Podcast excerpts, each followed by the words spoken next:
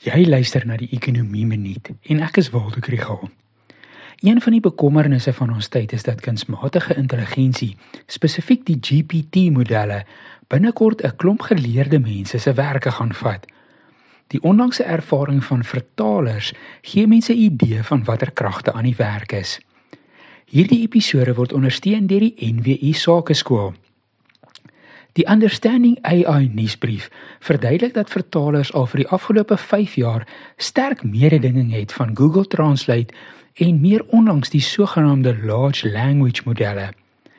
Daar was nog nie grootskaalse werksverliese in die bedryf nie, maar daar was heelwat verandering en aanpassings.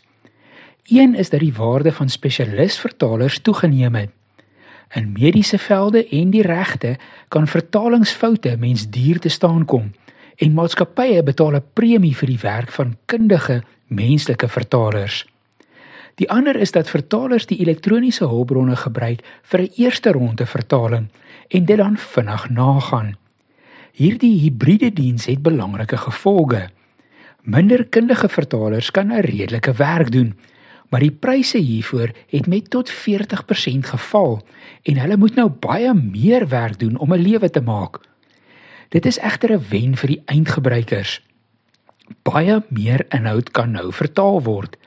Maatskappye kan op baie meer plekke besigheid doen as hulle bemarkingsmateriaal of gebruiksaanwysings van produkte in plaaslike tale beskikbaar is.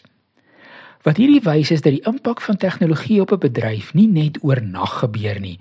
Dit is inkrementeel en daar is tyd om aan te pas.